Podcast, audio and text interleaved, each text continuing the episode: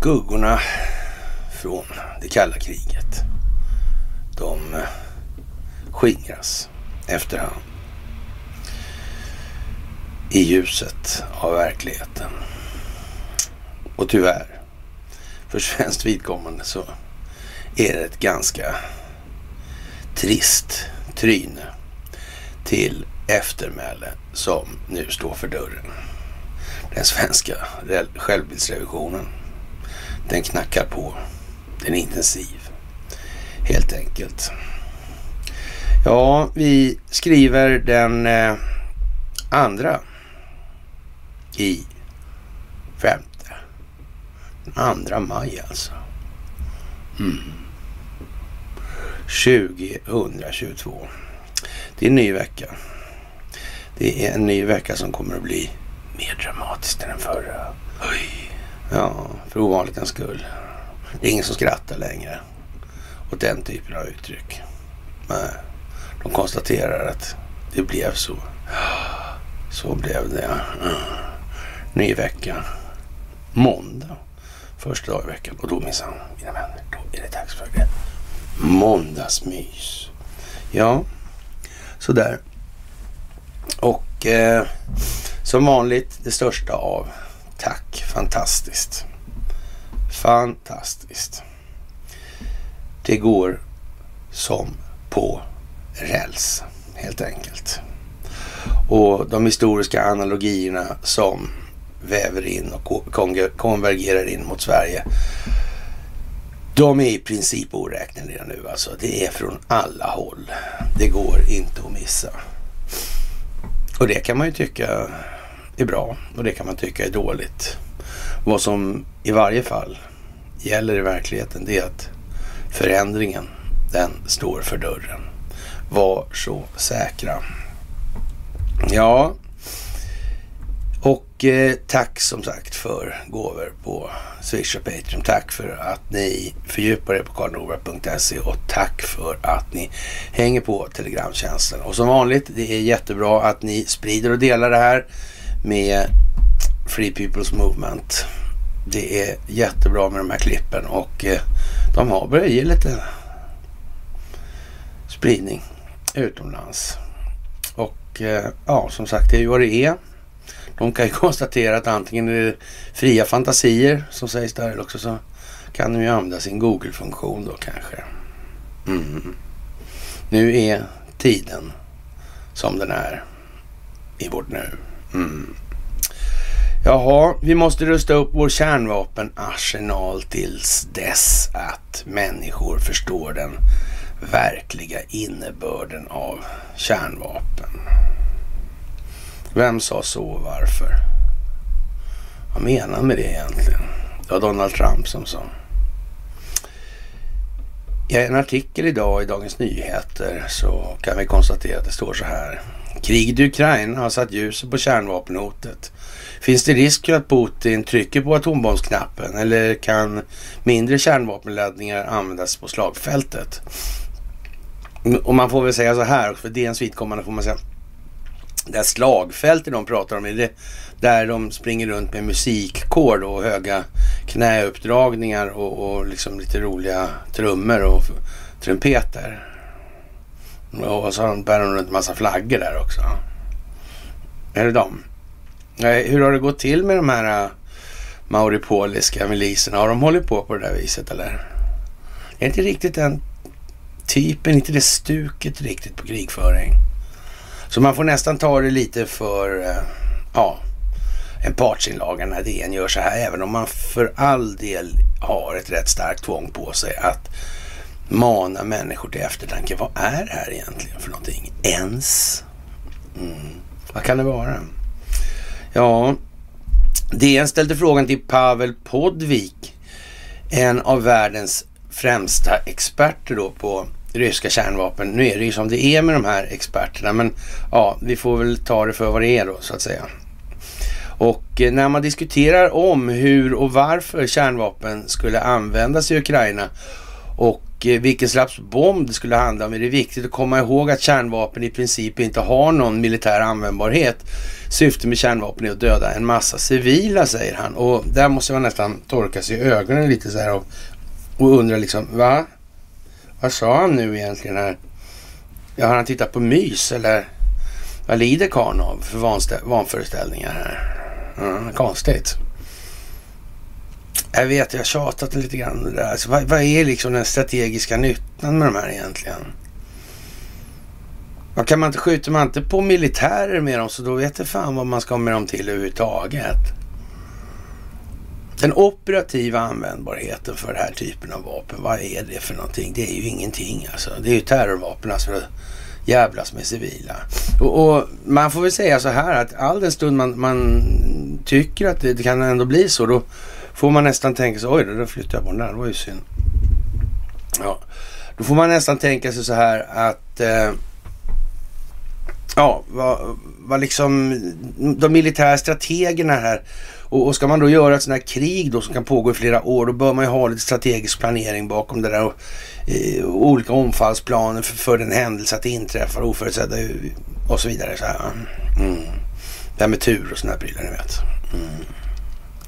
Det verkar på något vis konstigt att DN tar upp det här på det viset. Och, ja, under ett antal år har kärnvapenhotet varit en avlägsen fråga. Rapporteringen om kärnvapen har handlat om abstrakta nedrustningsförhandlingar och om enstaka muller från Nordkoreas bisarre diktator.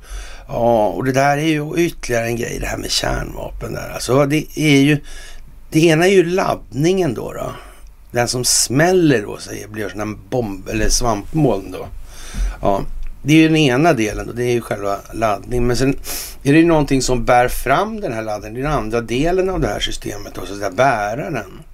Och, och, det är klart att skickar man över den där då med, med luftballong, då, är det, får man väl anta att det är stor risk att de där hinner plocka ner den där. Den rör sig inte så fort, det är tämligen omfångsrik och syns på ganska långt håll. Liksom. Så det kan man väl tänka sig att de skulle klara av. Och, och, men kommer den farande då med, med Mac 10 eller sådär, då är det ju lite mer besvärligt. Alltså, man hör den ju till exempel inte innan då sådär och man hinner inte se den heller knappt. Alltså, det, det där är ju liksom, och, och är den uppe då på väldigt hög höjd och i, ja, i stratosfär och så här, då, då, då blir det ju problem. Alltså, så är det ju. Mm. Det här är konstigt alltså. Mm. Ja, och, och, som sagt alltså, ja vad har han för bärare egentligen då? Ja, Kim Jong-Un, vad har han för någonting att konka fram de här grejerna? De är gamla sådana här, ja, vad ska vi säga, grejer från noga räknat uh, Ukraina. Så där ja, sådär. Jaha, det kan man se. Ja, ja.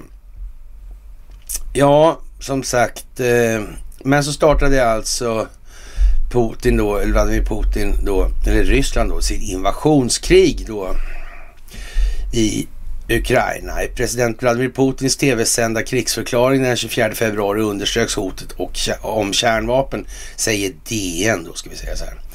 Ja, Ryssland av idag är en av de starkaste kärnvapenmakterna. Ingen behöver tvivla på en möjlig angripare kommer att besegras och drabbas av eh, ödesdigra konsekvenser, sa den ryske presidenten. Det var ju lite förvånande att de inte sa den ryske diktatorn kanske, men ja.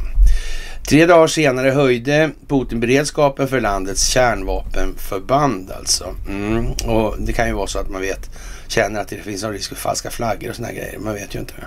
Mm, sådär. Sedan dess har kärnvapen funnits ständigt närvarande både i ledarnas retorik och i militära experters utsagor, delvis också i handling. Eh, jaha, nu är vi inte riktigt med på hur, hur de har eh, liksom, ja, konstigt alltså. Har de ha, ha, ha, som handlingar? med kärnvapen. Mm. Ja. ja, vet inte det. Det kom konstigt, men DN kanske vet då. Den 20 april testade Ryssland en ny interkontinental robot som kan bära kärnvapen. Vladimir Putin sa, sa i tv-tal att syftet med det nya vapnet är att få den som hotar Ryssland att tänka till två gånger. Det är en bärare man testar alltså. Ingen, ingen så att säga laddning då. stridsspets alltså. Det är inte. Det är olika saker. Det ena är fordonet så att säga. Det andra är själva verktyget som ska levereras fram för att åstadkomma en effekt i ett målområde. Mm.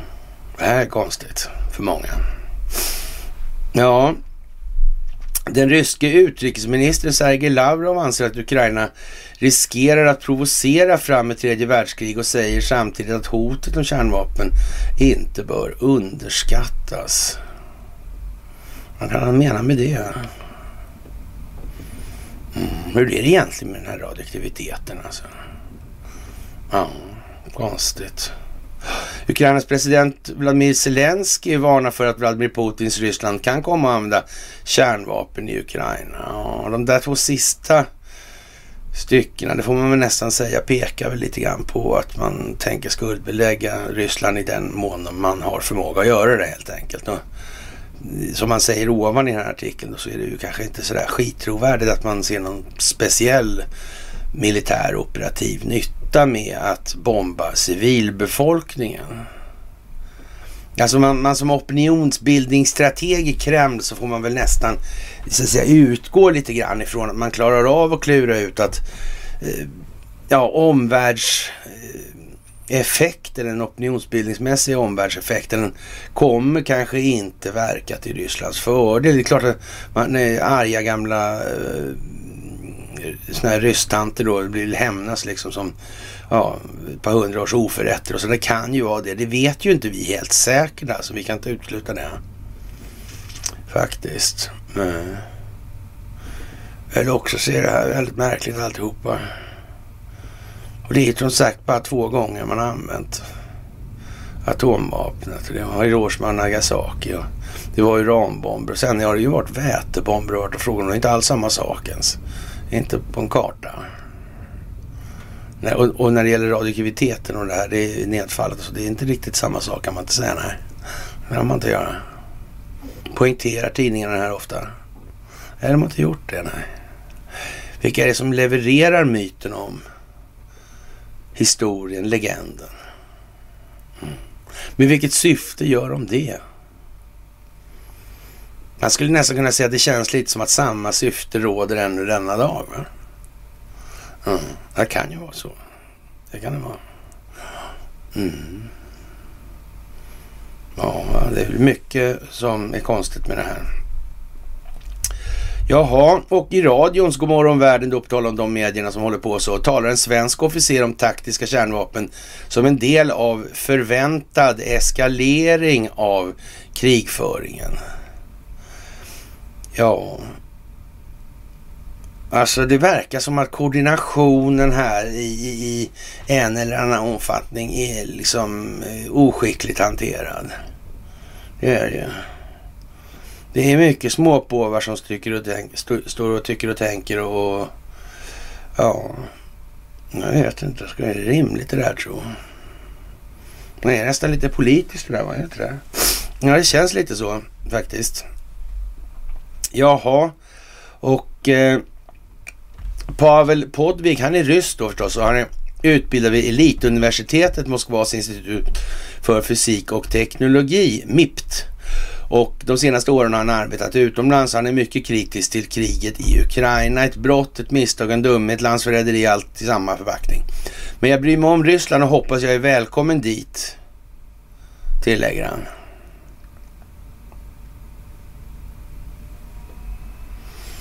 Eh, ja, är det någon som annan här som har sagt någonting? Nej.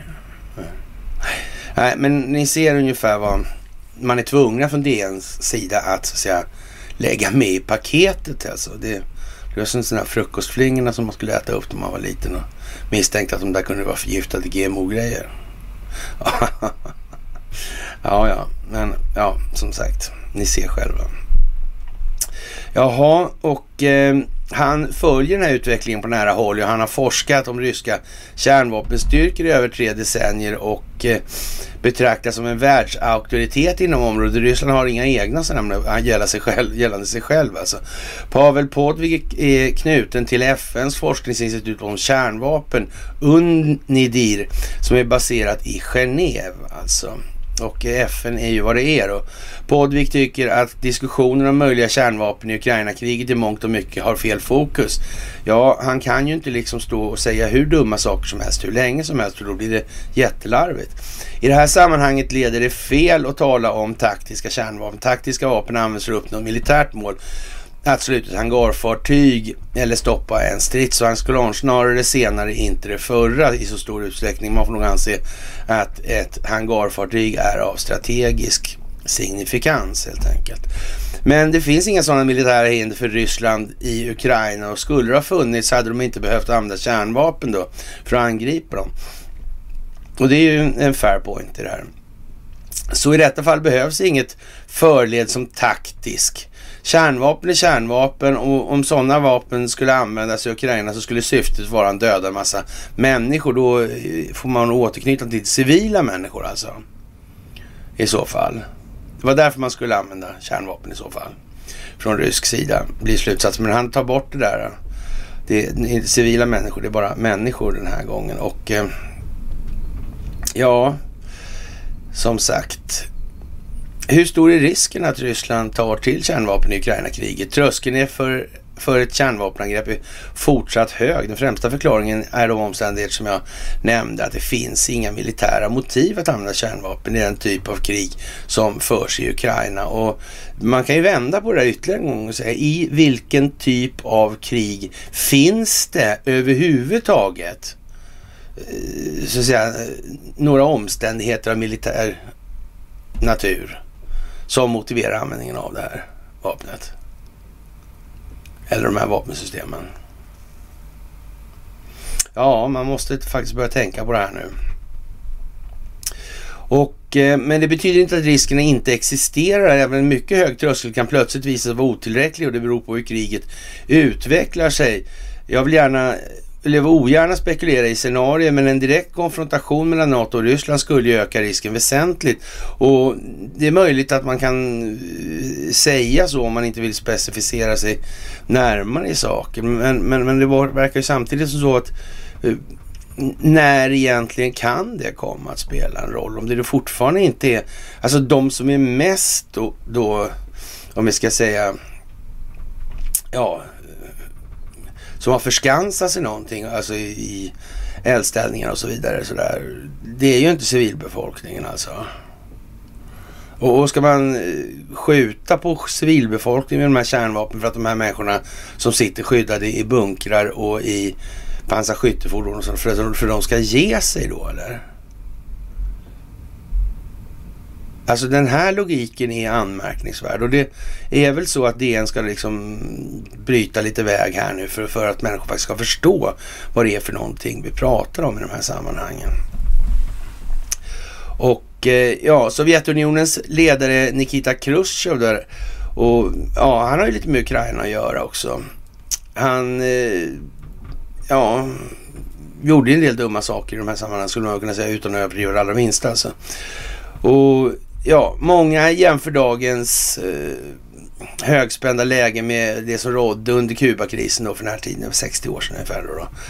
Och då USA och dåvarande Sovjetunionen var ytterst nära en konfrontation med kärnvapen. Det här var ju då någonstans vid ja, 1961 där liksom. Och det var ju, mm, ja, det var någon utrikesminister där som, som var han den här CIA-killen va.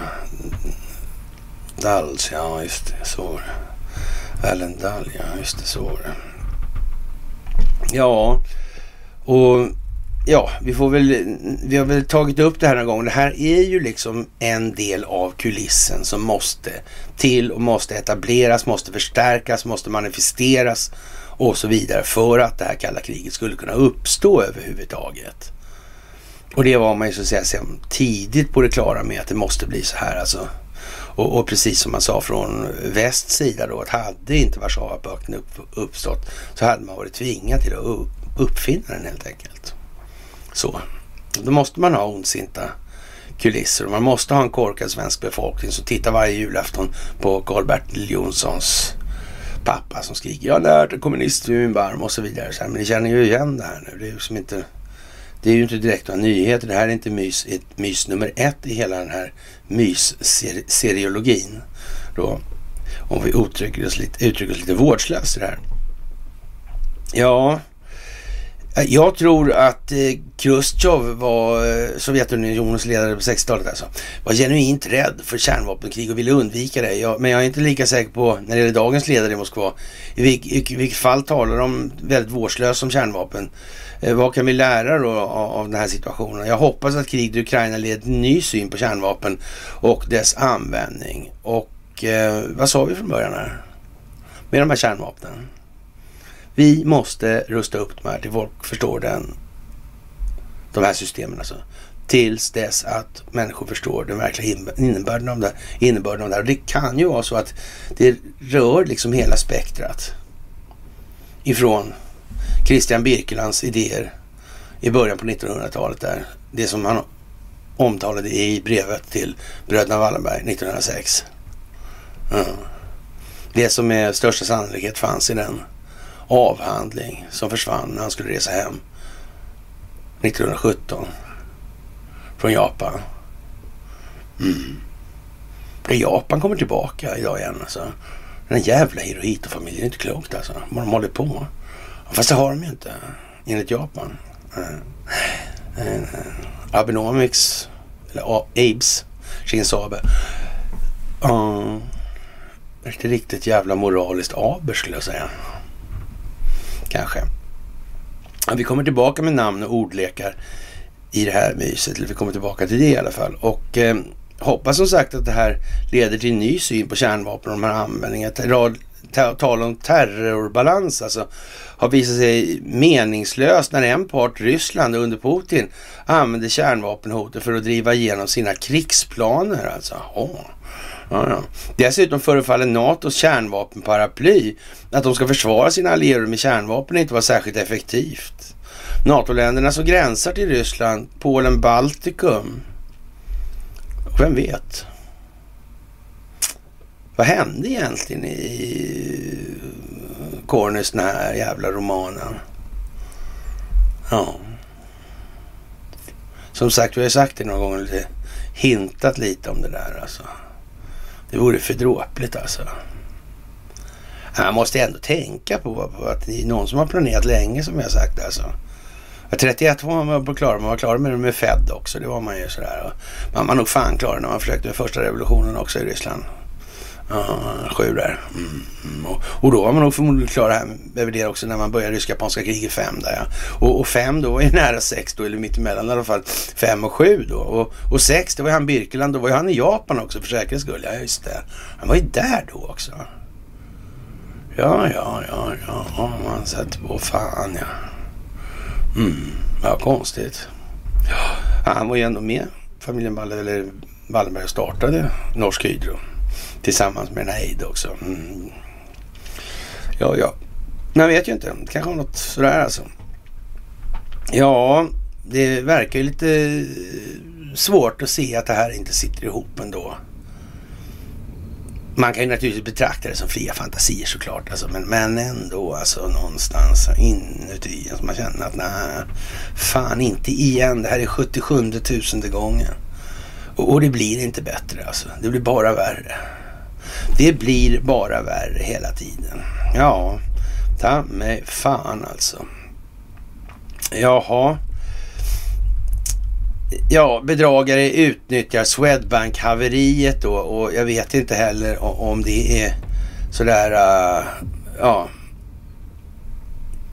alltså bank, banker som sådana, alltså tvätta pengar. Och, och, det är klart att det får man inte göra så, men, men ändå jag vet inte riktigt ändå om jag tycker att det här är skitseriöst längre alltså. Ja, bedragare utnyttjar Swedbank-haveriet. Och hur vet man det då? Varför vet man att det inte är Swedbank själva? Men de har ju uppenbarligen tvättat lite stålar. Mer än någon annan instans ja, på den här planeten. Storbankerna har gjort mycket mer än vad någon annan har gjort. för att ställa till det för mänskligheten. Det är inte ens nära, det är ingen konkurrens ens. De har monopol på att jävlas med befolkningarna på planeten, skulle man nästan kunna säga. Jaha. Ja, möjligen kan man ju så att säga tycka att eh, det här skulle gå snabbare, men det gör det inte alltså. Det finns ingen möjlighet till det. Faktiskt. Det måste ta den tid det tar. Människor måste förstå alltså.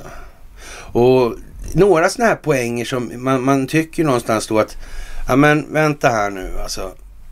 Det här måste vara givet och det här är slutet, fattar de Nej, det, det, kan sitta på något sätt som man inte riktigt har klart för sig. Alltså. Varför tjatar man om det här jävla skiten med biometrin alltså? Biometrisk datalagring. Det är ju förbjudet. Och varför återkommer det? Att polisen ska börja använda det och, och, och därför vill man då ha eh, legalisera det. Ja Men de använder det ju redan. Det är ingen som tror på att det sitter en kärring i Kiruna med permar och tittar på bilder och jämför. Ur körkortsregistret. Det är inte det alltså. Det finns ju inte på en karta att det fungerar så. Och det handlar om att den svenska befolkningen måste fan engagera sig. Det går inte att säga är äh, det där spelar ingen roll för mig. För jag har ingenting att dölja. Nej, det är inte det som är problemet. Om man har någonting att dölja. Problemet är att den som har tillgång till det här systemet kan välja att använda det på ett sätt som missgynnar samhället eller den allmänna viljan. Det är det som är problemet. Och det här jävla sladdret med att man har ingenting att dölja. Nej. Men, men, men, om man blir utsatt till exempel för någonting då? Och så vidare. Man får fan tänka till lite och man får tänka till lite över vad är egentligen att ta ansvar för sig själv och sina egna handlingar. Är det att skita i alla andra eller sköta sig själv och skita i alla andra? Är det det? Nej, jag vet inte om jag tycker det faktiskt. Det vet jag inte. Alternativrörelsen är ju skojig nu och, och, nu är ju chattret i full gång. Va? Skickar de inte hot om polisanmälningar till varandra så är det någon, en det ena en det andra och det är som en riktig jävla, ja på de här mejllistorna, alltså, det är som en riktig, ja jag vet inte vad alltså. Det låg som en riktig hönsgård alltså. Och man säger, de klara stringenta analyserna de lyser med sin frånvaro i alla fall. Det är helt säkert alltså. Det är något helt otroligt. Och ja, ja vad ska jag säga? Det, det är nivån på allting. Det är ju helt... Det är tragiskt. Men återigen tack till alla de här eh, yogamammorna då. De som faktiskt försöker att lyfta den här diskursen lite grann. Alltså, försöka ta det från rätt håll istället. Det är bättre. Ja, och eh, Nasdaq hade lite problem i morse va? Det trillade 7% fritt fall där ungefär. Men det repade sig såklart. Bara sådär. Mm. Det blir en jävla, jävla köpsug liksom som kom. I efterdyning av det där fallet. Mm. Hur kommer det här sig egentligen? Är det någon som vill säga någonting? Jag vet inte. Den där Nasdaq, är det någon... Eh, ja, vad är det för någonting? Mm. Just precis ja. Och nu försöker de då liksom komma med en förklaring. Den här förklaringen verkar ungefär lika bra som Swedbanks förklaring för övrigt. Mm. Undrar vad det beror på. kan man faktiskt ställa frågan till sig själv. Det handlar om opinionsbildning, det handlar om optiken, det handlar om att människor ska få en bild, en känsloupplevelse som de kan sätta ord på. Eller vill sätta ord på, ska jag kanske snarare säga. Och sen börjar de processen med att sätta ord på den här bilden inom sig själva. Mm. Ja, då är det som det är faktiskt. Och inga avslut kommer att makuleras alltså efter börskraschen. Okej? Okay. Allt gick alltså rätt till. Ja, ja, ja. ja. ja. Men genom att makulera, eller för, genom att makulera så säger man ju, pekar man ju på någonting också som en anledning till att man makulerar. Det vill man inte. Vad vill man inte det för? Man låtsas som det regnar och så åkte kursen upp av sig själv bara. Swing! Men det kanske, vet, man vet ju inte riktigt. Alltså, det kan hända sådana grejer. Det kan hända sådana grejer. Och då skyller man då som sagt på det här fatfinger error då, då. Och jag vet inte, det är klart att man kan ju säga en massa saker hit och dit. Men eh, ja, precis. Det är som det är alltså. Jaha, och eh, ja, det finns eh, det här nya sanningsdepartementet kommer vi tillbaka till också. Det här håller ju på att bli en riktig Janukovisk soppa helt enkelt. Eller Jankovic kanske. Eller sådär. Det är helt otroligt alltså. Det här går ihop sig. Det gör det. Och när jag var liten så, ja, jag och min bror vi lekte ofta en lek med ord sådär att vi kopplade samma namn då. Så kopplade man vidare. Ja, och det var en sån här lek som var given varför han, någon hette Karlsson, varför pappa hette Karl och, och sonen hette ja, blev var son då, hette, då blev han, han Karlsson då och så vidare. Och någon som hette typ dritteld. Hon fick heta Brasan liksom. Och så höll man på sådär och, och så skarvade man på liksom, byggde hela tiden på samma ord och så man fick långa, långa, långa kedjor och sådär. Så, så, så började man då sen då pröva hur man kom, komma tillbaka till där man började och då man höll på så där byggde sig hit och dit liksom. Ja, och, och det är lite sam, samma lekar nu som står för dörren här alltså. Och inte minst med den här eh, filmen eller boken då av Tom Clancy, eh, Jakten på Röd Oktober, alltså om den här Typhoon-båten. Och eh, ja, men det, det kommer vi till strax här. Och eh, ja, vad ska man säga? Det finns fler, flera fall av förkortning av folkets frihet genom gradvisa och tysta intrång av makthavare. Fler fall av tysta intrång av makthavarna än genom våldsamma och plötsliga till tillgångelser. Det är James Madison som kan vara president alltså. Och ja, det har blivit deprimerande vanligt att läsa obotliga attacker mot yttrandefriheten i Washington Post alltså och andra tidningar. Och de har ju hållit på rätt ordentligt här och det får ju vara slut med det här nu. Och det är det som allt det här handlar om. Att människor ska förstå och se vad det är för någonting. Därför måste det här fortgå och för man ska ta den på en gång också nu där. Alltså själva principen om man ska sätta igång den här då, då stingoperationen eller då folkbildningsprojektet då som stingoperation. Eller stingoperationen som folkbildningsprojekt då ska jag säga snarare. Så är det ju så här då att det första man måste göra det är ju att se till att inte huvudet bits så in i helvete alltså. Ja, det blir munkorg på den alltså. Mm, sådär. Och, och det börjar krångla helt enkelt för Investor i de här sammanhangen ordentligt och i de här kretsarna då runt Investor. Maktsfären så att säga börjar skaka betänkligt i det här. Och sen måste man å andra sidan då, det har man här uppe och sen här nere då så får man göra någonting annat då. Då måste man så att säga etablera den här rörelsen den här folkbildningen då, det måste ju etableras på något vis. Och eftersom alla länder på hela jorden som är inblandade i det här ser lite olika ut så måste man ju så att säga se till att det finns då eh, drivkrafter som skapar moment i ja, varje, om vi ska kalla det för geografisk zon då. Och ja, alltså upp till strategisk nivå ungefär då kan man säga då. Och sen måste man ju så att säga i någon mån understödja det där ner till samtidigt som man håller koll på det här upp till för att inte det ska lägga sig ja, i att göra massa dumma saker. Då, då. Så måste det vara. Och för problemet är ju så tar man bara bort den här alltså, locket då, om vi säger tar bort Investor och familjen Wallenberg, så är det ju problemet att det finns 37 stycken nivåer emellan då. Och det är ju lite jobbigt för de är ju liksom eh, spantade på samma varv då. Med samma syfte. Och, och, det innebär ju att de kommer ju bara ersätta det här locket man tar bort med sig själva eller andra bättre lämpade eller hur de nu väljer att resonera kring det där då. Och det är ju inte riktigt önskvärt.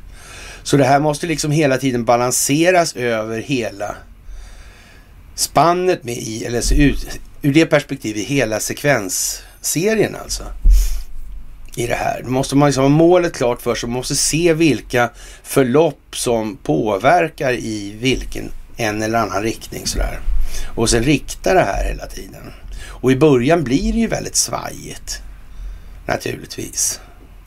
Men efterhand som så att säga, ja, strömfåran blir mer tydlig i den här utvecklingen.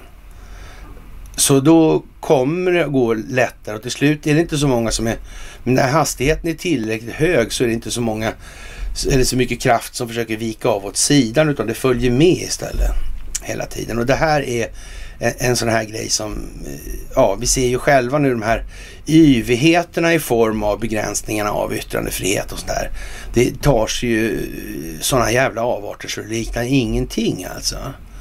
Och, och den här eh, Janko, Jankovic-donnan där och sanningsministern, eller sanningsministeriets höge chef då i USA, försöker ju sjunga sig in i himlen här nu då. Och det går ju sådär alltså. Det gör det ju. Och så har vi den här jävla donnan då som är utgarvad runt hela alternativvärlden alltså nu. Som bytte namn på en park alltså i Sverige för att reta Ryssland. Men inte ens en svensk politiker borde kunna vara så imbecill. Jag, jag är säker på att hela eh, ja, ryska delegationen där på ambassaden låg och tyckte det var jobbigt på natten där. Ja, men å andra sidan så är det så här också. Vad är det för lirare som är den svenska politiska adeln? Vad var Carl Bildt när han var 15, 16, 17? Hur var hans liksom socialpsykologiska skattning i bland de jämnåriga? Fredrik Reinfeldt. Anders Borg. Göran Persson. Kenneth Eliasson. Han hette det från början. Han bytte namn till Jan. Bara det liksom. Ja. Kenna blev Janne liksom. ja, ni ser ju alltså. De var inte först i kön på skoldansen om man säger så. Det var Glasberget eller de som fyllde till bakom containern liksom. Ja, ja. Jaha, vad ska man säga egentligen i den delen? Det, det är ju tragiskt. Och det är klart att någonstans uppfattar ju det internationella etablissemanget också, de, framförallt de då som motverkar djupa sorgen, de uppfattar ju liksom att, eh, alltså, ja ja, men alltså, alltså inga underrättelsetjänstmänniskor, de måste ju ha liksom social psykologisk kaliber, kalibrering eller disposition eller sådär. För, för det, det är liksom en annan typ av hantering alltså. Göran Persson är liksom ingen sån. Nej, nej, nej. Alltså det sträcker sig mellan hans egen nytta och hans arsle liksom. Avlämningsområdet alltså. Mm, det där är. Det är hela personligheten. Jaha. Irans krav upphör med showen. Då ska vi frige en Nouri.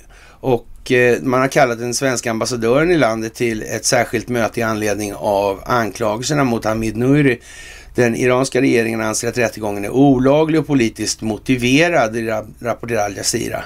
Och ja, det där är, är någonting konstigt alltså med det där för, för mm, han, åklagarna i Sverige yrkar alltså på livstidsfängelse i målet som ett av de mest omfattande i svenska kriminalhistorien. Hur, och totalt misstänks Nurre ha varit delaktig och döda hundratals personer, bland annat genom att leda dem till eh, avrättningssalen. Jaha. Och det ska han ha livstidsfängelse för då? Ja, men hur fungerar det med amerikanska fängelser då? Om det kommer hit en fängelsevakt i, från ett amerikanskt fängelse som har lett en fånge till avrättningslokalen. Vad ska jag göra med den då? Är det inte någonting som är konstigt där? Kanske det är en poäng som iranierna har i den delen. Det här som de säger. Mm. Iran vet nog vad de gör faktiskt i det här. De verkar ha lite kontakter med kineser och ryssar. Och man kan säga att den iranska diasporan kanske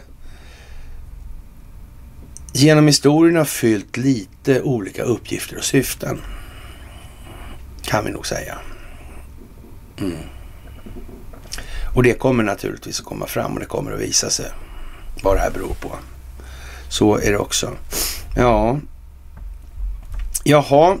Vindaktivister höll jag på att säga, men aktivister har grävt ner en bil mitt i vägen. Demonstrerar mot vindkraftverket i Sollefteå. Och eh, det här händer naturligtvis när miljöaktivister kommer på att vindkraften är en blåsning av bibliska dimensioner alltså.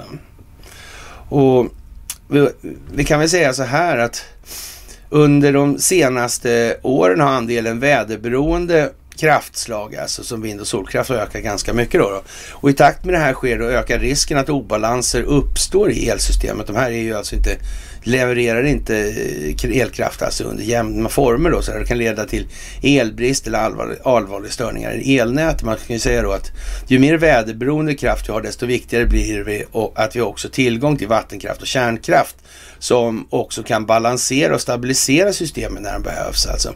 Tillsammans med olika systemtjänster. Och vad är då lösningen på allt det här? Jo, det är ju nu när man ska då köra det här med frekvensstabilisering då, så är det ju alltså köra vindsnurrorna som propellrar alltså. Hårfönar alltså. Mm. Och, och, då kan man ju säga, dra det kort och säga så här, men vänta, är inte de här vinstmaximerande de här kraftbolag och annat? Och det är de som styr nätet alltså. Du får inte bara koppla in på nätet hur som helst i det här alltså. Det här måste hålla sig balansen pajar liksom. Ja. Jaha. Men, men och, och, så säger man då att det här bygger på utbud och efterfrågan, det här nät, eller det här eh, kraftförsörjningens prisbildning där alltså. Prisbildningsmekanismerna. Jaha.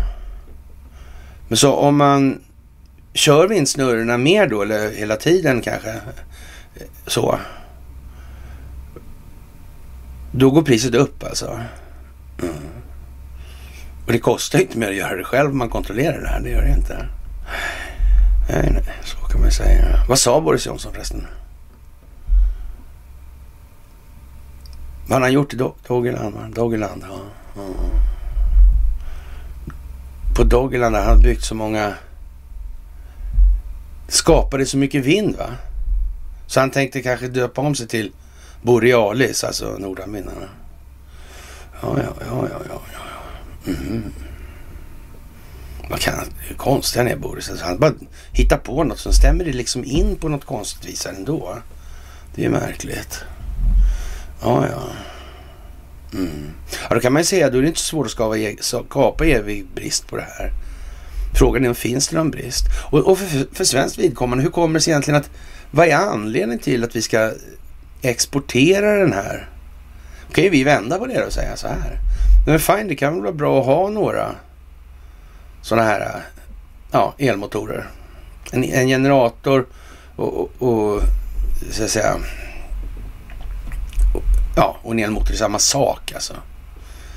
Så det är bara liksom att den ena eh, drar kraft och den andra gör kraft.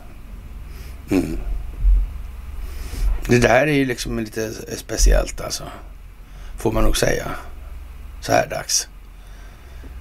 Men det skulle ju kunna vara så liksom att det här är ju liksom rena prisbildningsmekanismen man bygger upp och förstör miljön för. Skulle de vara så jävla nära alltså? Ja. Och sen kommer ju den här regleringen, avregleringen av älvarna. Eller jag ska inte göra föregripa och säga att det blir en avreglering, men jag kan säga ändå att det kommer att bli det. Det är liksom ingen snack. Den, den här, alltså miljökonsekvensanalysen som man gjorde då på 50-talet där runt. Om man tar Ljungan till exempel. Ja, om man åker runt i det där systemet då, eller på de här vägarna då, och egentligen var skog där från början då. Sen gjorde man sjö av det där istället. Och man satte det här under vatten istället när man reglerade de här. För behövde många kraftverk. Mm. Hur, var det någon riktig miljöanalys? Man kan ju, det där med liksom att, att, mineraler och sånt rinner ut i Östersjön den vägen och, och så att säga eh, försörjer Östersjöns ämnesomsättning. Det, det, den detaljen hade man ju kanske inte ens koll på. Men det var ju liksom, för den första som kom på det var ju det liksom en given grej att, ja men helvete, vad fan har de ställt till med idioterna liksom?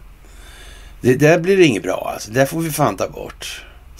Mm. Och när man kommer på det då, så förmodligen de här miljöaktivisterna börjar haja liksom att eh, det här blir liksom dåligt alltså. Och det här vindkraftberget heter dessutom Twin Peaks då för säkerhets skull också. Så, så, får man in lite filmiska kopplingar till det här. Och nu har de alltså grävt ner en bil i vägen där och gjutit fast den med betong för säkerhets skull. Det, det var ju lite fiffigt gjort. Mm. Ett litet fundament till och med. Ja, och eh, vi får väl säga eh, som så, alltså där, ja, lösningen är alltså att man sätter propellrar på det här med nu då. Eh, ja, det, ja, vi kör dem som propellrar. Det, det är ju lite konstigt, tycker jag. Ja, ja, tänk om många fler kommer på det här nu då.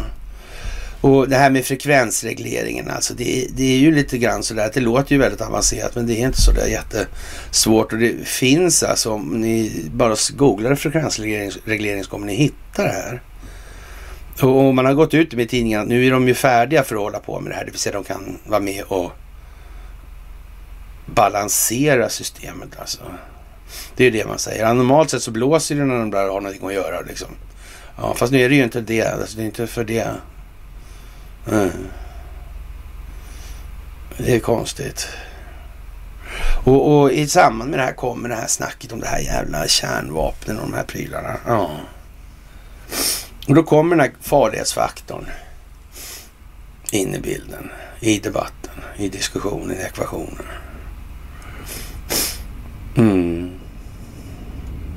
Ja, men det är ju lite speciellt får man säga. Det måste jag framhålla faktiskt. Och man väljer då att inte kalla det för kinetisk energi då när, man, när de här snurrar olika saker då som turbiner och så. Eh, utan då säger man rotationsenergi och ja, rörelseenergi alltså som köper tid och rättar till obalanser. Mm. Konstigt det där. Ord verkar viktigt även i de där sammanhangen. Det kan ju vara så att någon har tänkt på det. Jag vet inte. Ja, och det här är värt att tänka lite grann på helt enkelt. Och tänka lite grann på, det har Carl Bildt bara gjort. Han har aldrig tänkt tillräckligt mycket skulle jag vilja påstå för att komma fram till sig själv som del av problemet med sig själv och sitt liv alltså. Och nu har han i alla fall kommit fram till religionen i det här då, för han skriver då att Sergej Lavrov, utrikesminister i Ryssland, och för nu, försöker nu argumenterar för att Hitler var jude och att Zelensky är nazist alltså. Och eh, det enda han lyckas med i det läget då, herr Lavrov, det är att ja, han förklarar att han själv, han har tappat det helt alltså. Han har helt ja, åkt av rälsen alltså. Ja, det låter ju allvarligt. Mm. Jag vet inte. Och eh, Jad Vashem, de tycker då att det här, det här ja, ett sånt monument eller något ja, slags museum då, de kan kalla det för. De förkastar helt Lavrov det här och, och det här är för jävligt och, och det här att göra offer till brottslingar och efter att han krävde, kräv, eller hävdade då att Hitler hade eh, judiskt påbrå precis som Zelensky. Jag måste ändå ställa frågan här alltså. Det, det där med judiskt påbrå, vad är det för någonting? Om mamma eller mormor eller eh, whatever, hur man nu väljer att säga så, är religiös. Min mormor var kyrkvärd. Mm. Ja. Så. Är jag per automatik vad? Vad är jag för... Är jag, är jag en religion då bara för det? Det tror jag inte. Går det att ta ett DNA-prov på och säga att jag är kristen?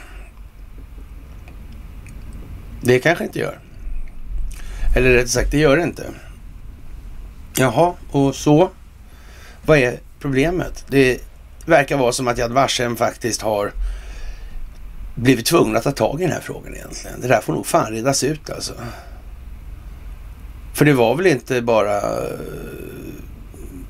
de här som på något vis kallas för judar. Och, och för övrigt var det väl så att man, måste vara, man hör liksom aldrig talas om den gruppen av människor som var judar. Som bara bestämde sig för att, nej men då är jag inte jude längre. Vadå i är? Jag menar man får ju vara helt... Jag menar handen på hjärtat, vem fan vet vad ens föräldrar är? Så länge man inte kan läsa deras tankar och uppleva deras känslor själv. Och det kan man inte. Man har ingen aning om om de ljuger. Och man kan säga så här.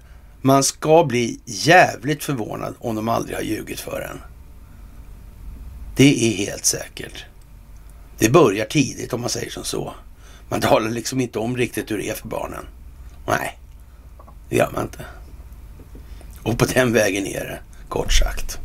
Ja, det är kanske inte så många tänker på, men det är bra att göra det faktiskt. Och jaha, vad ska man säga? De tar ju upp det här naturligtvis överallt nu. Och Sergej Lavrov, ja, han har alltså väckt en utbredd ilska om ni tar upp det här också. Det grundlösa narrativet Ryssland använder för att rättfärdiga invasionen styrs av Ukraina styrs Ukraina av nazister när Lavrov konfronterades med det faktum att Zelenskyj är jude, svarar han. Vad spelar det för roll? Det motsäger inte de nazistiska elementen i Ukraina. Jag tror, jag tror att Hitler också hade judiskt blod. Nu är ju naturligtvis, nu är det känt då bland i sådana här konspirationskretsar som vi tillhör. Då är det ju känt att Sergej Lavrov sitter bänkad varje eh, måndag, varje onsdag och fredag och tittar på de här grejerna. Så det är klart alltså. Ja, han eh, påstod också att kloka judar länge sagt att judarna själva är de största antisemiterna enligt Reuters. Och det här blev man ju liksom, blev de ju skitsura på. Alltså, där får man inte hålla på liksom. Och att de ändå gör det nu och bollar upp det här, det kanske säger någonting också nu. Det kan, alltså, så här, hypotetiskt då att eh, Sergej Lavrov är helt av rälsen då som Carl Bildt säger nu. Och, och Carl Bildt egentligen var en rätt sådär, eh, uh, jag menar alltså moraliskt och socialt föredömlig kille när han gick i gymnasiet till exempel. Så, och, ja, han hade liksom inga sådana där riktiga, om vi ska kalla det för sociala komplex då, som man annars får lätt intrycket av att han kanske skulle ha. Men det hade han inte alltså. Ja, ja, ja, jag vet inte. Alltså, det, det, det är ju någonting konstigt alltså. Mm. Oförlåtliga, skandalösa och ett horribelt historiskt fel alltså. Judarna mördade inte sig själva under förintelsen. Den lägsta nivån av rasism mot judar är att beskylla dem för, själva för antisemitism. Eh, jag vet inte det där med raser. Det är den judiska rasen nu vi är inne på igen här. Mm, ja, men då är det ju inga problem alltså. Det är bara att ta DNA alltså. Så, och så finns det ju någon form av strata där som judarna befinner sig, de som kallas för judar, befinner sig inom då. Det börjar någonstans och det slutar någonstans. Ett definitivt segment alltså. Där finns det den mystiska och magiska judegenen. Sådär. Alltså, det är inte bara människor liksom sådär, som har satt en massa etiketter godtyckligt ut på, ut på sig själva alltså, för att åstadkomma indelningar för att kunna polarisera. Det är inte det alls inte. det utan det finns alltså en biologiskt naturvetenskapligt grundad betingelse som styr huruvida man är en det ena än det andra. Sådär, alltså. och, och det kan man, man, ja, vad ska man säga? Och den går inte ens att motarbeta med det som annars kallas då för psykosocial påverkan då, eller fenotypisk påverkan då. Det, utan det är genotypen är liksom grejen här. Ja, ja, ja. Jag säger så här, det kommer bli tjurigt på den där bänken vad det lider framgent nu alltså. När det har kommit så här långt. Det är liksom, ja, vad ska jag säga, vad spelar det för roll? Det motsäger inte de nazistiska elementen i Ukraina. Nej, jag tror att Hitler också hade judiskt blod. Ja, han får väl tro det om han vill. Det kan ingen ta ifrån han rätten till. Vad, vad är liksom den här snarstuckenheten som uppvisar honom? Vad, vad är den tecken på? Ja, de är väl säkra på verkligheten. Varför, varför får de ut mot Lavrov för? För att Jaha, ja så ja. Ja, ja det kan det ju vara naturligtvis. Ja, ja men jävla synd ingen har sagt något. Nej, de har ju inte det. Nej. Ja, vi får väl ringa upp då de här Daniel Pohl och Jonathan Lehmann vad det lider här och ta det här snacket alltså. Ja, och Eh, efter Tysklands kapitulation flydde Ludendorff till den 11 november 18 då till Sverige med falskt pass. Han bodde i Hässleholm som gäst hos Ragnar Olsson på Hässleholmsgården. Där nedtecknades Ludendorffs sina krigsminnen och försvarsskriften översatts 1919 till svenska och av ingen mindre än vår käre Indiana Jones-skurk Sven Hedin alltså. Den kompisen med Heinrich Himmler och han som hade då, ja, Sven Hedin-institutet inom ramen för Anna Närbe-projektet och så vidare och så vidare. Där. Om ni kollar på Indiana Jones, han med slokatten där, som letar efter artefakter. Det här, den här figuren, om ni tittar på det, Anne Närbe, alltså anor och arv då. Det där är, ja, det är som det är helt enkelt. Det, ja, det där måste man sätta sig in i nu. När Elon Musk börjar liksom, ja, han skriver då, jag undrar vad världen hade varit, eh, hur den hade varit om Ludendorff inte hade skickat eh, ett tåg då, eh, ja, till Lenin. Mm. Men det här var ju konstigt alltihopa.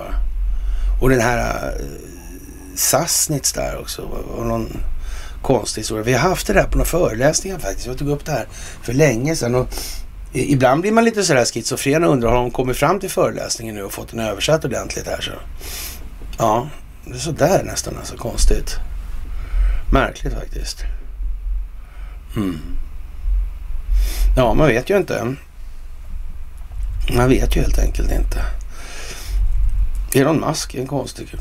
Ja, och Sven Hedin, det är ju som sagt, han är en riktig lirare har någon delat in här. Och eh, ja, jag kan, kan man läsa lite kul faktiskt. Nu har jag skrivit kilometrar om Sven Hedin. Vi kan se vad det här står här nu i alla fall. Ja, Hedin var en stark Tysklandsvän och såg med misstro på Ryssland. Han stödde Tyskland i första världskriget och vek sen aldrig från sin linje. Han skrev det här borggårdstalet alltså till kungen 17 där och han, eh, ja, gjorde en massa sådana olika saker alltså. Ja, förutom att han hängde med Himmler och sådana grejer.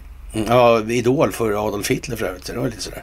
Ja, Hedins stöd för Hitler och Nazityskland flörtade, eller svärtade hans rykte, flörtade. Ska, ja, vad ska, mm. ja, men lite sådär. Den där är, är värd att, eh, så att säga, ta reda på lite grann. Alltså. Och han sitter ju ihop då med allt det här med rasbiologi. Alltså, det, det finns ingen gräns alltså ja, the sky is the limit i frågan om Sven Hedin alltså. Och hans gärningar i olika sammanhang. Mm, mm. EUs energiministrar håller idag ett krismöte eftersom efter Gazproms stopp av gasleveranser till Polen och Bulgarien. En eh, farhåga i det här nu man har i Dagens Nyheter det är då att EU-enigheten är på väg att splittras. Vi och fasa alltså. Vad är det som händer? EU splittras. NATO sönderfaller. Vojne, Vojne, Vojne. Israel i sin nuvarande form och tappning. Vojne, Vojne, nu har de lyssnat på mysen då. Det här kan inte bara liksom vara tillfälligheter. Oj, oj, oj, oj, oj. Eller också är det så här. Det kunde fan aldrig ha blivit på ett enda annat, annat sätt. Alltså det, det är bara så. Det kunde bara landa här. Det rullade bara dit det lutade. Alla trodde det skulle rulla åt något annat håll, det gjorde det inte. Sen blev alla förvånade. ja. Ja, ja, det låter som en radioröst från farbror Sven Hedins dagar. Som har en annan farbror Sven där. Ja, och det här är ju lite sådär eh, halv eh, lattjo ska jag säga. Med det här, eh, ja, eh, Durans tolkningar där. Och man, man gör sig roligare då att Sverige sätter då Vladimir Putin schackmatt. Ja, Update One också. Jag vet inte om den tar sikte på att det kommer fler uppdateringar gällande Sverige då. Det kan man väl tänka sig. I så fall så då vet vi vad, då vet vi att Duran förstår alltså. Annars verkar det lite klent det där med Duran måste jag säga faktiskt. Det tycker jag inte alls verkar så imponerande. Och eh, ja, EU ogillar i alla fall eh, det här med oljebeteendet hos Ryssland. Alltså det här med fräcka jävlarna vill ha betalt i sina egna pengar också. Varför, varför ska inte de få betala i andra pengar för? Som man bara trycker ur ingenting liksom, som inte behöver motsvara någonting. Och sen ge dem till Ryssland. För fan, vilka idioter helt enkelt. Ja, det, är, det är helt enkelt eh, utpressning. Ja, men sådär alltså. Ja, ja, hur som helst. Var det inte någon sån här donna då från amerikanska sanningsministeriet? Jo, det var det alltså. Någon som inte bara nästan hette Jankovic då och, och var från Ukraina alltså. Och det där var ju jävligt konstigt och han den här uh, journalisten Webb där, han gick i taket på den där alltså. Mm. Det gjorde han ja. Det här innehåller mycket konstigt alltså. En annan med liknande namn på det här Jankovic, alltså det är ju den, uh, ja, före detta presidenten Viktor Janukovic då. Och eh, han var ju president och innan det här Majdan-historien. Han vann presidentvalet i Ukraina 2010 över förre premiärministern Julia Tymosjenko, alltså hon metallkärringen där som hade videofirma ena dagen som världens största metallimperium för snodd metall veckan efter. Det var fantastiskt vilken karriär hon gjorde den där alltså. Mm. Och han svor i alla fall presidenteden den 25 februari och eh, ja, som Ukrainas nya president och övertog presidentposten från Viktor Jutjenko. Janukovic var tidigare premiärminister i tre perioder, 2 till 4, 4 till 5 och 6 till 7 alltså. Och 22 februari 14 avsattes han då som president som ett resultat av den så kallade Euromaidan-protesterna. Det här var en mycket demokratisk process hävdade Carl Bildt. Och han tyckte att de här ASO-bataljonerna det var ganska fina boys egentligen alltså. Seriösa, ja, humanistiska. Ja, han hade inte så mycket negativt att säga om dem i alla fall i de här sammanhangen. Så det kanske förklarar varför han egentligen beter sig som han gör i förhållande till Sergej Lavrov. Jag vet inte. Men det får ju en var avgöra vem man tror har den så att säga, högre moraliska resningen av de där herrarna. Det, det, måste man nog faktiskt tänka på i det här.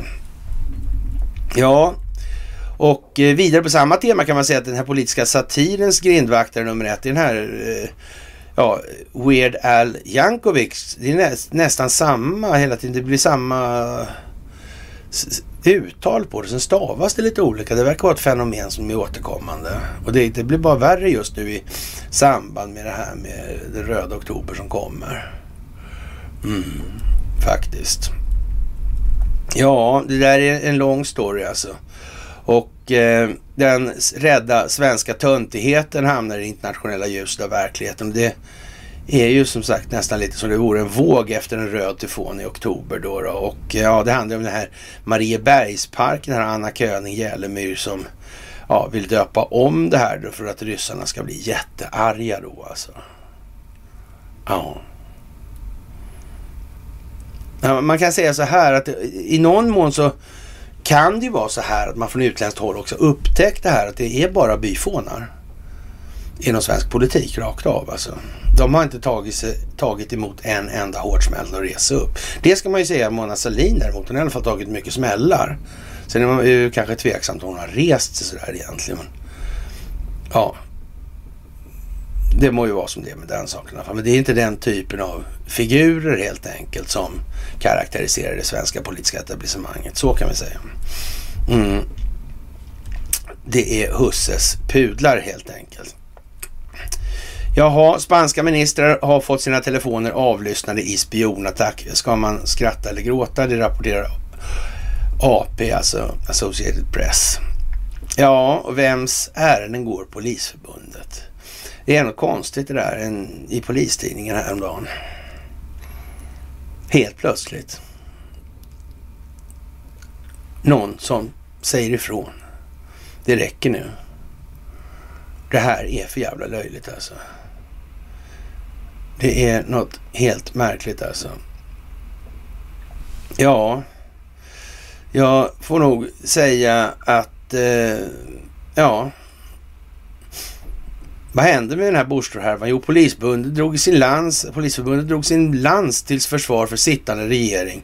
Den regering som i ärlighetens namn själva har absolut största ansvaret för att vi poliser ska behöva hamna i de här situationerna. År efter år, gång efter gång. Vårt förbund blev en viktig aktör i den aktiva fokusförflyttningen som uppstod från de vidriga våldet och oviljan från dessa medborgare att inställa sig under Sveriges lagar och regler och normer till ett enskilt uttalande som också förvrängts och klippts. Ja, jag är positiv till vårt förbund eller förbundsordförande syns medialt, men jag är mer tveksam till att det ska göras genom att medvetet misstolkade jag och andra poliser uppenbart direkt förstod att Ebba Busch kritiserade det faktum att vi poliser med våldsmonopol och lagen i ryggen tvingades retirera med en skadad person som följd av de extrema, det extrema våld vi mötte. Alltså.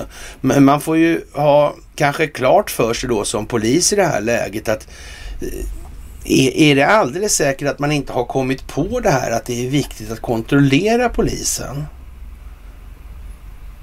Och alldeles särskilt om man pysslar då så att säga med eh, ja, subversiv politisk verksamhet eller om man kan säga så här. Och om man nu för hypotetens, hypotesens skull säger så här. Eh, om det är så att den djupa staten existerar överhuvudtaget i landet då, då finns den med all säkerhet inom polisen också. Mm. Och då är det så här att då ska man nog som polis faktiskt ta och beakta det som grund till vidare egna analyser. Och inte liksom tro att det här går jättebra till och alla poliser är schyssta och sen är resten dumma. Man får nog fan acceptera att det är korrumperat i polisen också. Och det ska man inte hålla käften om då. För då verkar man bara och tänka så här, vi löser det där internt. Nej, man löser så i helvete inte det där internt genom att hålla käften. Är man där på allmänhetens uppdrag, då ska man inte förneka allmänheten sin berättigade del av verkligheten när det gäller information om vad som råder i poliskåren. Då är man helt dum i huvudet om man tror det. Ja, och så är det med den saken helt enkelt. Ja, extremt hack i börskurvan var ju en intressant och man undrar ju liksom hur du tror det blir med pensionssystemet där alltså. Rekordstarkt pensionssystem då. ja, fast de har ingen metod för utdelning. det är lite som Swedbank, de har pengarna men ni ser dem inte. Mm, mm.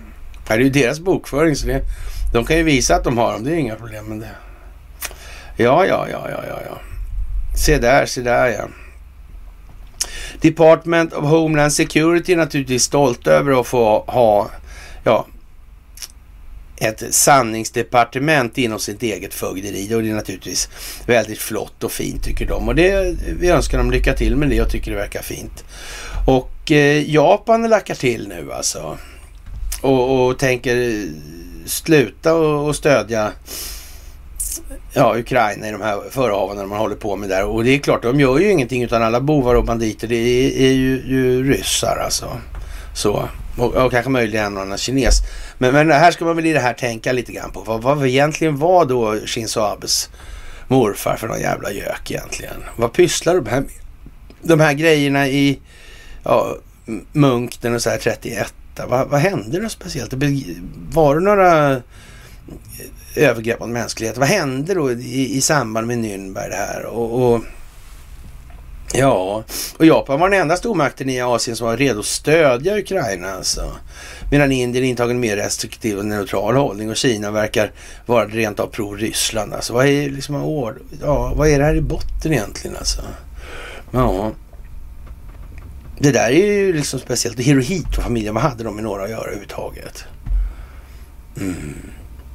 Och vad tog alla de här forskningsgrejerna egentligen? De forskar ju väldigt mycket på de här kineserna. Men jävla, som vi sa tidigare där, att man... man eh, ja, man, man, man, fick Josef Mengele att framstå som någon jävla pojkscout liksom. Mm. Vad tog de där jävla svinen vägen egentligen? Shinzo Abes morfar, vad tog han vägen? Det vart inte så mycket åtal på dem där va? Nej, det var det som var konstigt alltså. Det där var ju konstigt alltså. Mm. Ja, nu råkar kejsar Hirohito vara en respe respekterad historisk figur i Japan. Alltså även om han var titulär härskare över det kejserliga Japan under andra världskriget. Eh, Ukrainas skit har fått folk i Japan att bli helt galna alltså. Ja, jag vet inte. Speciellt alltså. Varför fick de Serafimerorden av alla jävla konstiga ord? Hur var det nu vi sa nyss? Hur var det med han den där uh, Christian Birkeland? Var var han någonstans? Han var i Japan. Var var han Gustav Oskar Wallenberg? Var var han någonstans då? Var inte han diplomat där då? Ja, jo, men det var ju samtidigt. När var den här, uh, ja vad hette det nu då? Rysk-japanska krig, när var det då? När var det 1905? Ja, okej. okej. Mm. Och 1906 skrev Birkeland brev till Wallenberg angående att han kunde få ur lika mycket energi ur ett kilo av en viss malm som man kunde få ur 100 000 kilo kol. Ja, just det. Ja jävlar alltså. Det var det där ja.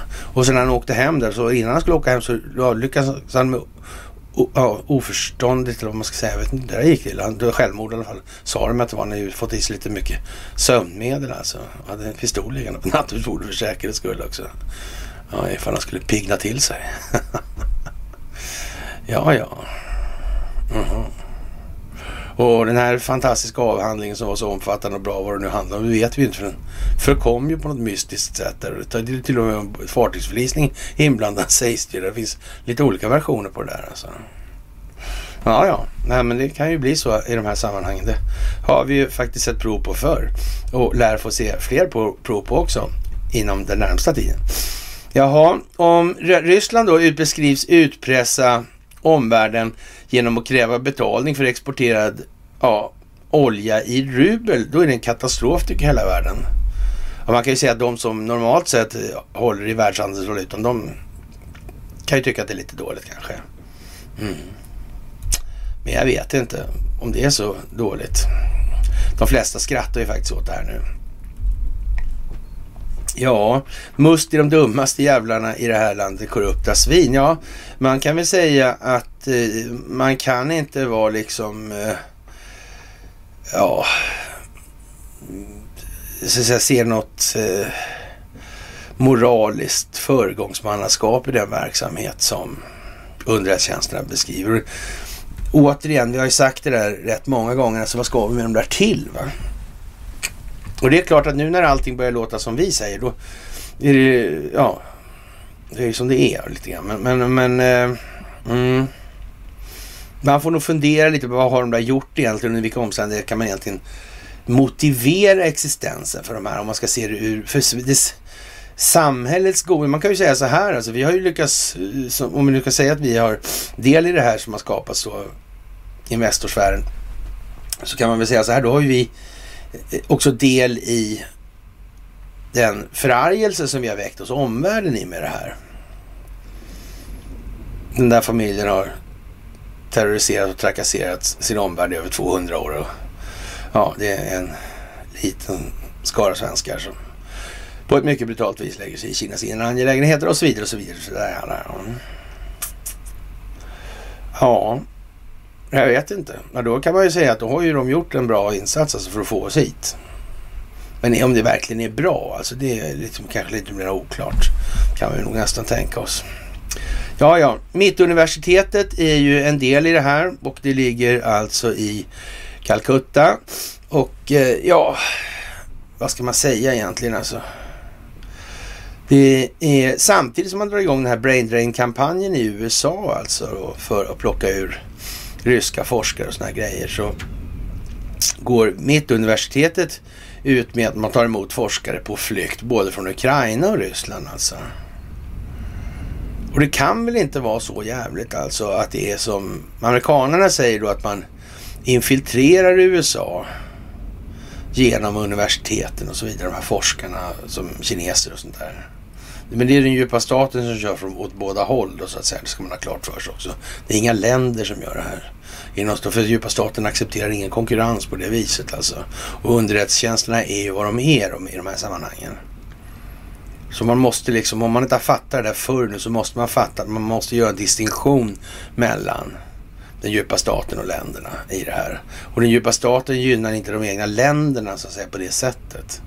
Nej, de gynnar den djupa statens oligarkiska globala intressen. Så. Och det där är lite svårt för folk att ta till sig. Det, liksom. Sådär. Ja, vi har ju den här jävla liran här, alltså den här rektorn då för en, ja, mitt universitet, det här, herr Fällström då alltså. Och det, det måste man säga är en, en, figur som så här, ja, hur, hur kommer det här sig alltihopa egentligen? Och, och mitt universitet hade ju samarbete där med Kubal alltså. Vad fan, de fick någonting. Nu är det inte säkert att allt de fick står redovisat på det sättet. Men man kan vara helt säker på att de som ligger bakom och, och så att säga, stämma det här pianot från början då och, och, och ha tonsatt eh, det här stycket då. Eh, de vet också att så att säga bevara informationen till eftervärlden på ett tillbörligt sätt alltså. Kan man säga. Och, och vi kan väl vara rätt säkra på att någon har fått någon, eller något av någon i alla fall, i något sammanhang. Så kan man nog utgå ifrån att det är. Frågan är väl om det är då den här uh, Fält, Fällström då, som är, är så att säga den som har fått och Ja, man, kan, man får nästan säga att han är lite, han, han är på att hamna nu på något vis i ljuset av verkligheten här i en rad olika sammanhang. Det är faktiskt ända från det lilla perspektivet med studenter till då lite större perspektiv att ta hand om till exempel då eh, biokemisk forskning och sådana här saker som tas från Ukraina som där har funnits biokemlabb som finansieras av amerikanska försvarsdepartementet då, vilket till exempel Victoria Nuland har erkänt. Och frågan är om den forskning som har bedrivits av amerikanska försvarsdepartement eller finansieras av amerikanska försvarsdepartement. Är det, är det en sån forskning som man bara kan ha här i Sverige utan att det liksom, det spelar ingen roll alltså? Nej, jag tror inte det. När det gäller sådana grejer som Novichok till exempel, så ja, det, det, får man inte hålla på med hur som helst. Alltså, det är farliga grejer på det viset. Mm. Men det verkar inte spela så stor roll alltså.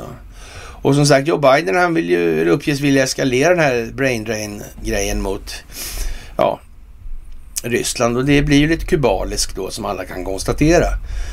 Ja, som sagt, det är kärva tider. Anders Fällström heter den här stekan då. Och, och, ja, det där verkar ju gå lite sådär. Alltså det är ju just nu i realtid det här händer. Alltså det var ju så sent som i förmiddag satt vederbörande på möte och såg ut som Gollum, hävdade den initierade kraften i rummet alltså. Och ja, han verkar nervös för massa saker i alla fall. Och som sagt, ja, gensaxen är ju en grej i det här och, och det är ju...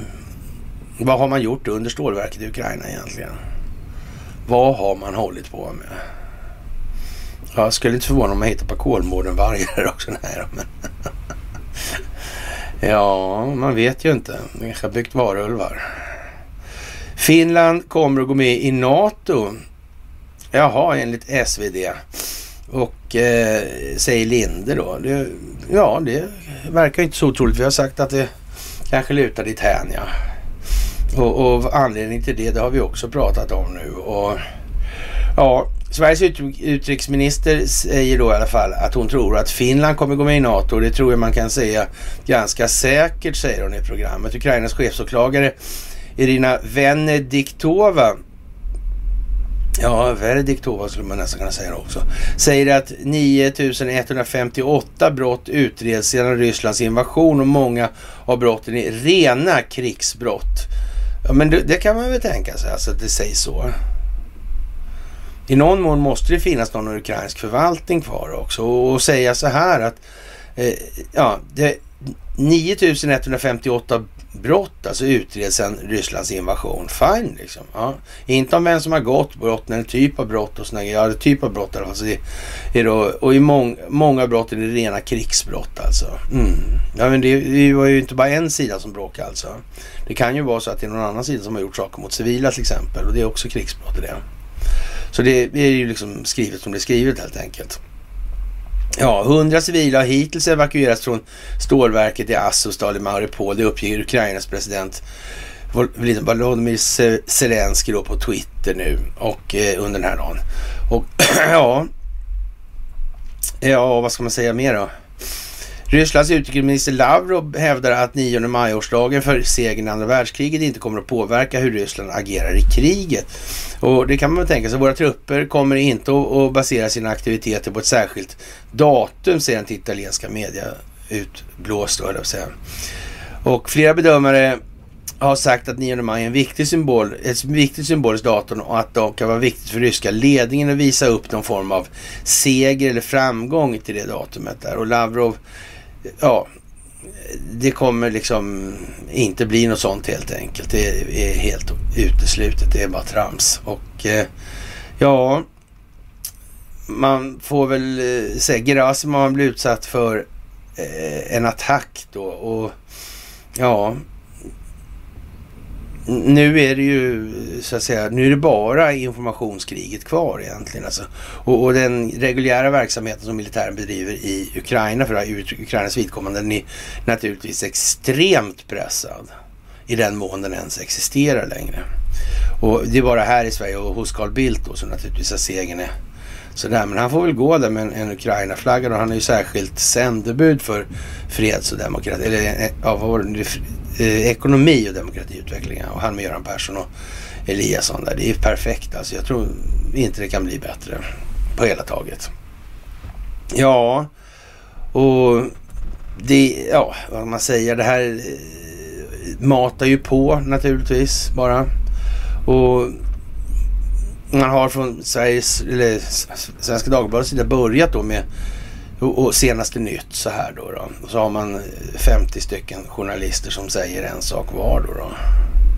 Men, men som sagt, det, det, spelar ju egentligen inte så stor roll om man har fel utgångspunkt i sin betraktelse. Det går ju inte då helt enkelt. Det blir fel. Så. Ja, det är en hel radda med grejer sådär och Ukraina talar om omfattande egna förluster men säger att den ryska invasionsstyrkans förluster är ännu större. Alltså försvarsdepartementet i Storbritannien är också det är en partisk källa upplevde på lördagen att de ryska styrkorna står inför svåra utmaningar. Och ja, det är ju klart att det är ju lättare om man kan peka på någon annan än sig själv. Så är det ju. Och, och det här blir ju som sagt, det, det blir ju en partsinlag och det blir lite löjligt och det som sagt, och, och man, nu snor man spannmålen från Cherson då, och ja, blockeringen av transporter från ukrainska hamnar och mineringen av sjöfartsleder hotar världens livsmedelsförsörjning då, avslutar han med det här. Det är fruktansvärt allvarligt.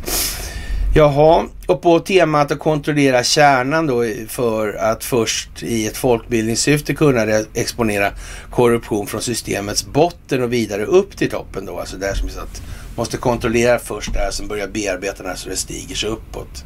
Så, så kan man ju möjligtvis sänka lite grann sådär. Men man kan inte ta bort den där. För då kan man inte hålla trycket på den där nedanför. Ja, då kommer, tar du bort locket där då kommer de byta ett nytt lock bara. Så. Du måste ha ett mothåll så att säga. Du måste ha mothåll i toppen. För det här ska fungera. Jaha, och förändringens vindar blåser här i knutarna som vanligt. Och en tyfonubåt eller ljuset från verkligheten skulle vi kunna säga också. Jakten på den röda oktober, en debutroman av den amerikanske författaren Tom Clancy, publicerad den 1 oktober 84. Som sagt, det var samma år som George Orwells lilla dikt, epos där, hade sikte på. Och det handlar om en ubåtskapten, sovjetisk ubåtskapten Marko Ramius. Och eh, han snallar en sån här tyfonubåt av ryssarna där och han har då en sån här eh, politisk officer, en spion med sig där och som han mördar då och han i sin tur har en sån här kontroll som ingen vet vem det är då. Ja, i faggorna där också som det var ju känsliga grejer det där så. Och, och den här eh, politiska officeren då, han heter Ivan Putin då. Ja, jaha, konstigt. Ja.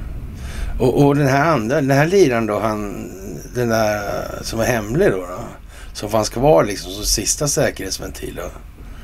Ja, den där, ja, I filmen så springer de runt där bland missilsilosen. Och, ja, ja, vad hette han? Alec Baldwin? Var inte han som där sköt någon? Han som, han som spelade Donald Trump också va? på det där kvällsprogrammet. kvällsprogrammen. Tänk så det kan bli ändå alltså. Så tokigt. Så tokigt, så tokigt. Ja, det är lite udda får man säga. Och, dessutom verkar det vara precis som att, eh, ja, någon har tagit sikte på det här på något vis alltså. Vad hette nästan? Hette den Red Storm Rising va? Hette inte så?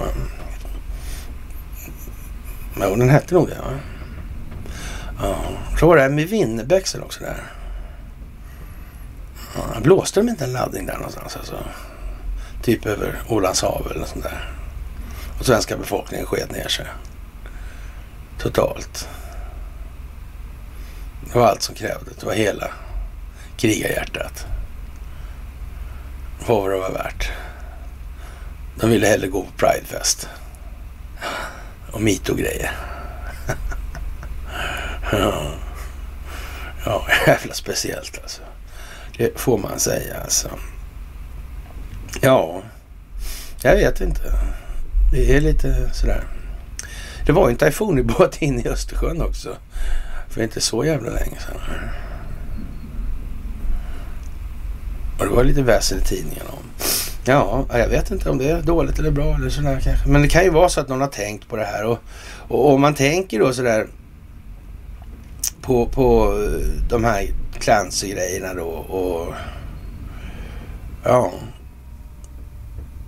Och det här dubbelspelen hela tiden och så är det beskrivet. Så känns det som att namnen idag går igen i den här boken. Fast den är ju 40 år plus. inte det konstigt?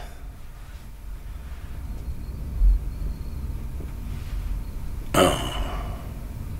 Det är ju lite märkligt får man ju säga. Det kan man tycka. Faktiskt. Ja, The Hunt for Red October alltså. Det där är ju liksom lite bra att tänka på alltså i det här läget. Hur kommer det sig att det kan bli så där egentligen? Så är det bara chansat liksom? Eller där var manus och så uppfostrar man verkligheten efter den då? Eller hur var det? Jag vet inte. Ja. Den här borgen är också en sån grej alltså. 14 premiär den då. Premiär. Ja. Och 24 februari inleds Rysslands insats i Ukraina. Det är konstigt. Det är flera månader innan. Märkligt. Mm. Fast det kanske tar, går jättefort att producera en sån här filmserie. Ja, den här fantastiska stridspiloten Ghost of Kiev då var inte existerande överhuvudtaget och det var kanske föga förvånande. Kanske man inte ens behöver ta upp innan, men det gjorde vi i alla fall. och den här Kenneth Gregg då, som var hos Vilgot där, det, alltså det där går ju som sagt. Man, man, kan ju notera det här och det visar sig ju att Kenneth Gregg är ju liksom som jag har sagt tidigare då. Ja, och vad säger du? Varför gör man sådär för? Det är svårt att säga alltså. Ska Vilgot skjuta ut sig big time nu eller ska han... Va, va, han kan dra en lans för något i alla fall. Men man kan säga att utan några så att säga vidhängande förklaringar i det här läget då blir det bara en resa för honom åt ett håll alltså. Och, och där luktar det ja, alltså vitriol, alltså big time alltså. Och varmt är det också. Mm. Jag vet inte. Det är lite undligt faktiskt. Kan man ju tycka är osmidigt rent ut sagt alltså. Och man talar om att luftvärnet vässar systemen inför ett tänkbart angrepp. Och ja, man talar om att eh, luftvärnet nu är på en nivå eh, som aldrig tidigare. Alltså, så. Och, och, det finns väl en sån där... Uh, ja, Per Albin Hansson Demagoggy Groggy Vals. Eller dog, ja. Det, var, det där är konstigt alltså. Vad säger han där? Alltså, han, han har sköld där också. Alltså var det där luft, eller ja just det, var någon någon bomsalva också. Bom, bom, bom ja. Nisse sköld, var det inte så? Mm. Hm.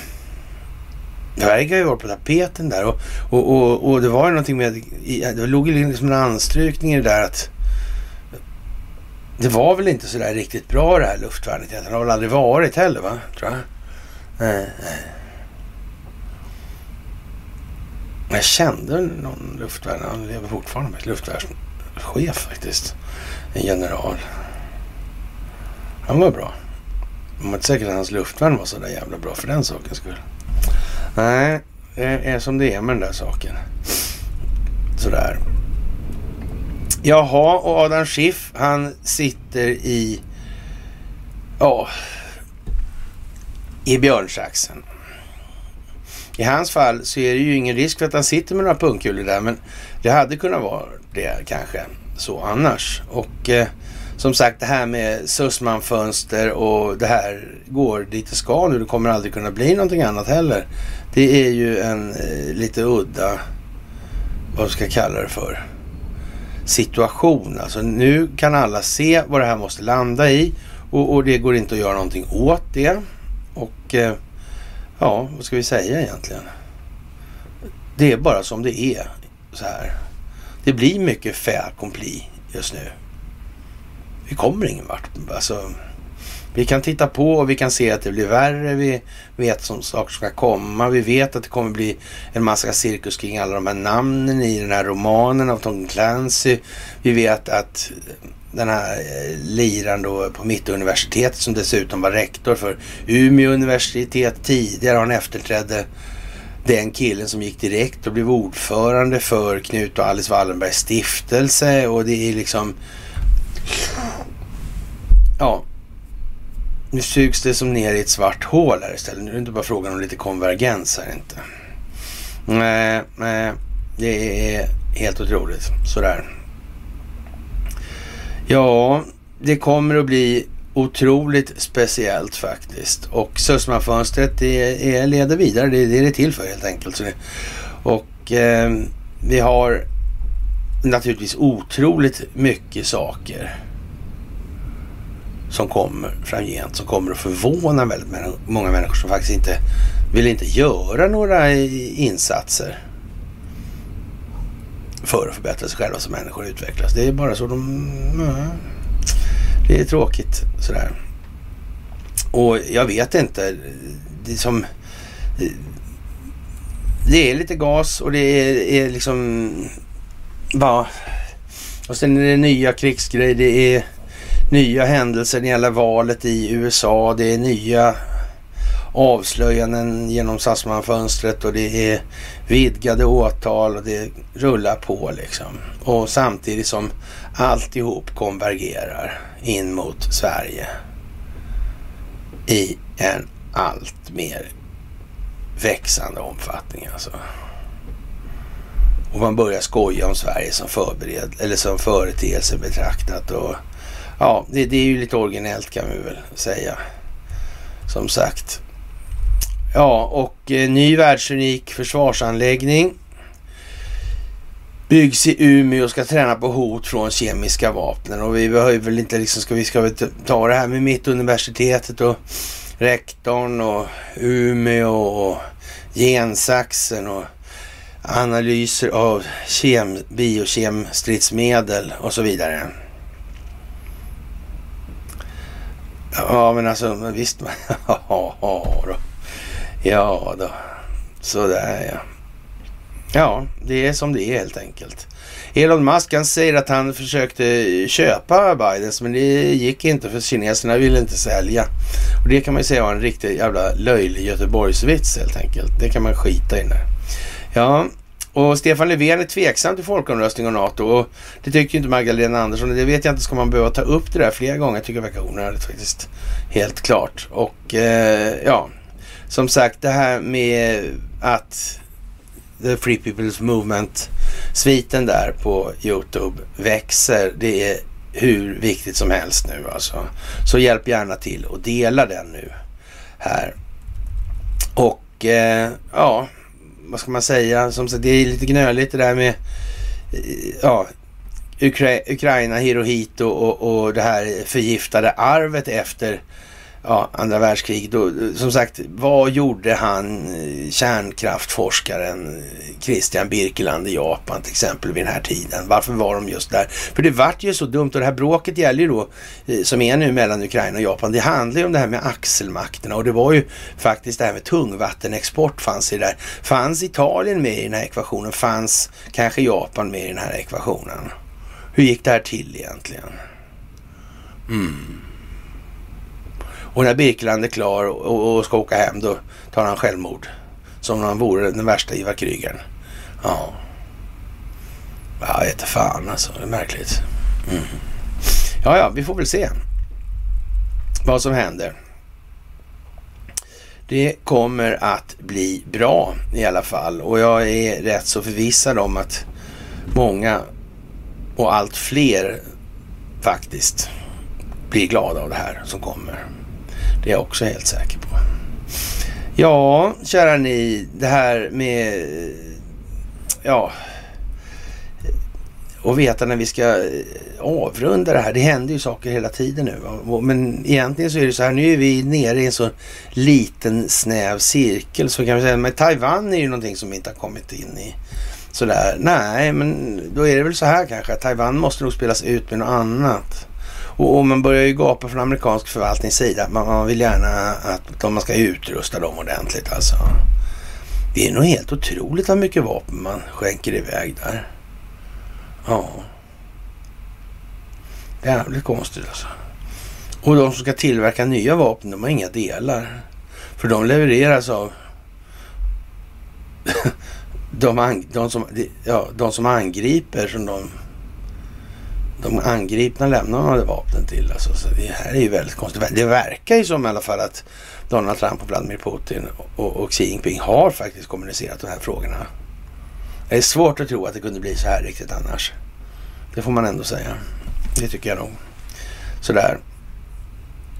Ja, och, och som sagt, det ryska utrikesdepartementet, de konfirmerar alltså att eh, Kiev-regimen har skapat, eh, ja, och, och, och, man har försökt gömma undan spår efter militärbiologiska program implementerade med finansiering från USA då och deras försvarsdepartement. Det har man, man står för och kan bevisa i alla lägen.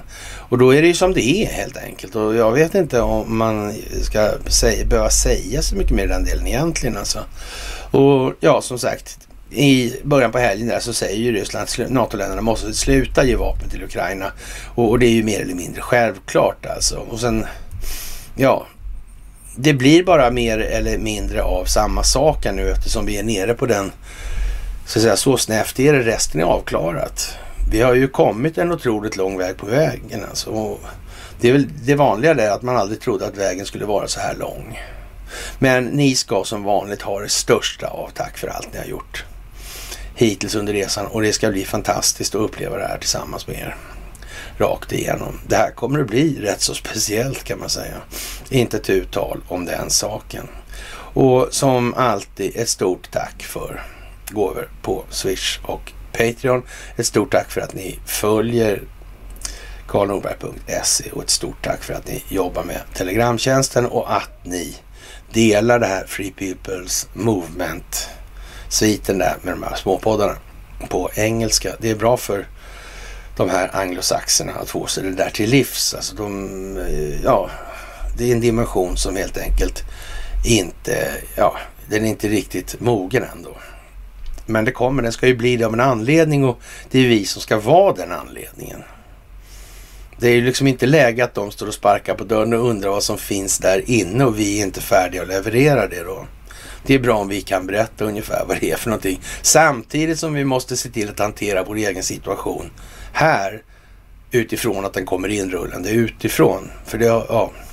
Och, och bland de stora grejerna i det här det är naturligtvis att NATOs sönderfall och eh, ja, nu blir det bråk lite här om energin i EU och så vidare. Och, ja. ja, vad var det man sa egentligen där ja. Jaha. Och eh, Ebba Busch där, hon vet jag inte om vi ska säga så mycket om. Jag tycker det är jävligt tjafsigt. Hela det där alltså. Eh, ja. Och bankerna är vad de är och det är ju klart att, vad ska vi säga? Det är inte mycket att be för. Det är ju inte mycket att be för det här. Det här systemet är skuldmättat. Och eh, ja, jag vet inte. Ska vi förklara det? Nej, det ska vi inte. Det har vi gjort tillräckligt många gånger. Nu kan ni googla eller söka på bloggen istället. Kära vänner, vi tar ett avstamp i det här myset nu och sen så hörs vi senast på onsdag så får jag önska er en väldigt trevlig måndagkväll så hörs vi. Tjena!